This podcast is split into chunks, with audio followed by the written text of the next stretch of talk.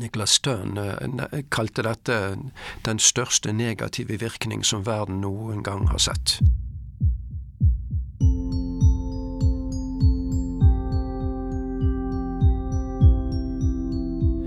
Samfunnsøkonomers holdning er at uh, dette er et typisk internasjonalt problem. Og uh, at man må komme med en internasjonal løsning på det, og en fordeling i hvordan man skal liksom få, få redusert CO2-utslipp og klimagassutslippet til lavest mulig kostnader. Samfunnsøkonomen som sier dette, er Eirik Skrøder Amundsen. Han sier òg at de som ønsker seg en klimavennlig verdensøkonomi, må smøre seg med tålmodighet. Det der er eh, inertia, altså det vil si at det, det, går, det er tregheter i systemet, og det vil, det vil, ta tid å endre på det. Tenk nå på denne krisen vi hadde i 2008 hvor lang tid det har tatt for uh, verdensøkonomien å komme seg tilbake igjen til normale tilstander, og man er jo ikke der ennå, faktisk. Så, så de økonomiske systemene de virker ganske langsomt, faktisk. Og det er et resultat av uh, skal vi si, virkemidler man, prøver, man setter i gang. Det tar tid å etablere virkemidlene, og så tar det tid uh, til at disse virkemidlene rent faktisk virker. Så, så det, det går nok langsomt.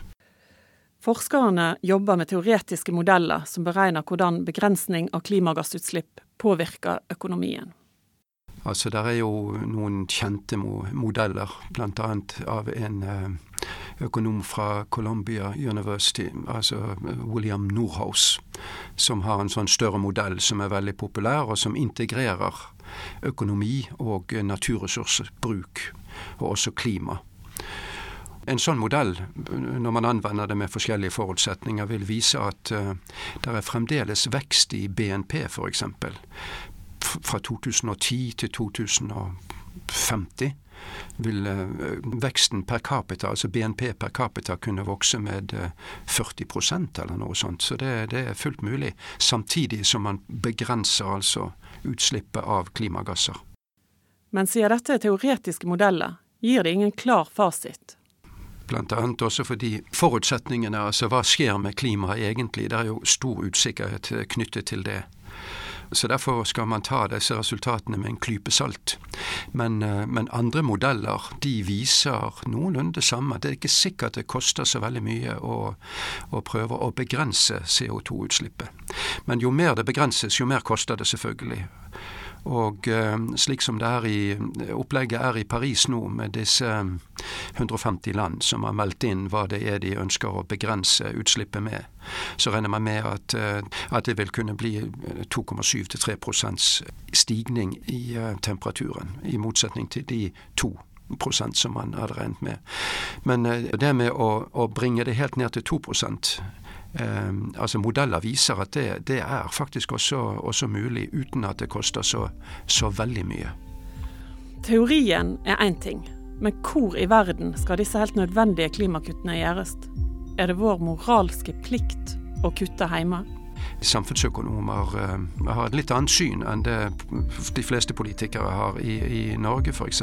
på dette spørsmålet med bør det både tas i Norge, eller, uh, eller er det et internasjonalt problem? Og er det ikke sånn egentlig at de som er i stand til å redusere utslippene til de laveste kostnadene, de faktisk også bør gjøre det, og så kan vi andre betale for at de gjør det. Ehm, økonomer har jo den eh, holdning at eh, man skal tenke på den såkalte alternative kostnaden. Og Det vil si at eh, hvis man nå bruker ressurser på én måte, så betyr det det at du hindres i å bruke de på en annen måte som kunne vært bedre.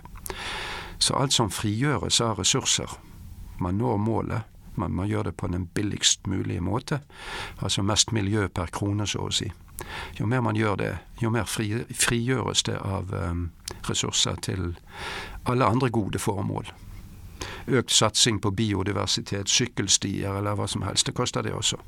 Professoren har i åtte år hatt tittelen økonomisk vismann i Danmark. Vismennenes jobb er å gi råd til danske regjeringer. Nettopp i disse vismannsrapportene så har vi skrevet om biodiversitet.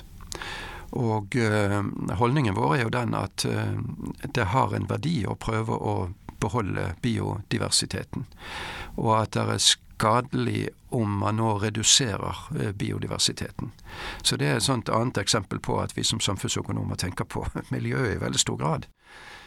Dyrere klimakvoter kan være nøkkelen til å begrense produksjon av olje og gass, og dermed få ned utslippene, sier Skrøder Amundsen, som òg er professor i miljø- og naturressursøkonomi ved Københavns universitet. Min holdning ville være at man, eh, hvis man vil gjøre noe med dette, så bør man prise karbonutslippet på en ordentlig måte. Så får det konsekvenser for produksjonen av fossile brensler. På verdensplan så ville det jo være godt om man fikk til en eh, å knytte sammen flere av disse klimakvotesystemene. USA har jo også et, et klimakvotesystem oppe i nordøststatene. Og det med å få knyttet sammen um, disse kvotesystemene ville være en mulig vei å gå. Og hvor man kunne handle I USA kunne man også handle kvoter i, i Europa f.eks. og få godskrevet de når man slipper ut. Eh, egentlig fungerer det ganske bra. Fordi at eh, det man forveksler det med ofte, det er at prisen har vært veldig lav på kvoter. Og så tror man at det, det kommer mer CO2-utslipp, men det gjør det ikke. For det er antallet kvoter som er utstedt som bestemmer hvor mye CO2-utslipp det blir. Grunnen til at prisene har vært veldig lave, det er jo for det første at uh, vi har hatt denne uh, dette dårlige økonomiske utviklingen, slik at uh, etterspørsel etter kvoter Produksjonen har vært lavere, og derfor har det vært forurenset mindre. Og derfor har det også vært mindre etterspørsel etter kvoter. Dessuten så har det vært bygget ut mye ny fornybar energi også. Og det gjør jo også at etterspørsel etter kvoter har falt. I Danmark har Amundsen og de andre vismennene fått kritikk for å prøve å stoppe vindmølleutbygging. Her forklarer han hvorfor de har vært negative til vindmøller. Ja, der, der, er flere eh, aspekter ved det.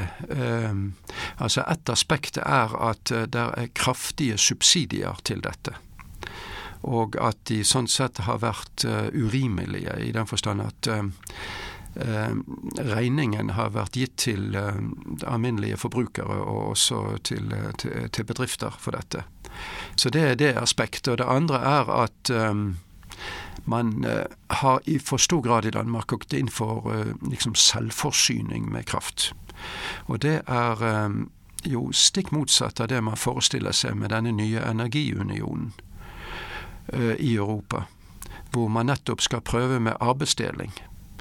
Og igjen, de som kan produsere kraft til lavest kostnader, de bør gjøre det, og vi andre bør betale for det. Nettopp derfor forsvarer han standpunktet om å stoppe utbygginger.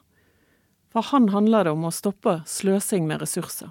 Altså Den typen synspunkter har jo kommet frem. At vi, eh, vi, har liksom eh, ikke vært så mye på miljøets side. Men det er en kraftig misforståelse. Um, altså økonomi, samfunnsøkonomi må vi så si, uh, har jo et veldig sånn vidt eh, ressursbegrep, egentlig. Og, et, også et vidt godebegrep, hva som er goder. Altså Vi tenker ikke kun på kjøpegoder, f.eks. som melk og smør og kaviar og champagne, men, men også andre goder, miljøgoder. Tjeneste fra naturens side. Har verdi. Eh, og, eh, og, bør eh, liksom også produseres i riktige mengder.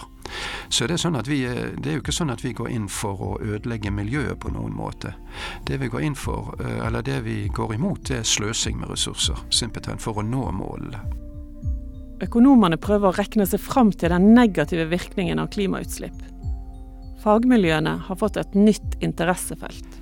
Ja, det, det, du kan si, det er at det har kommet større interesse for denne typen av problemer. Altså disse store negative eksternalitetene, som vi kaller det.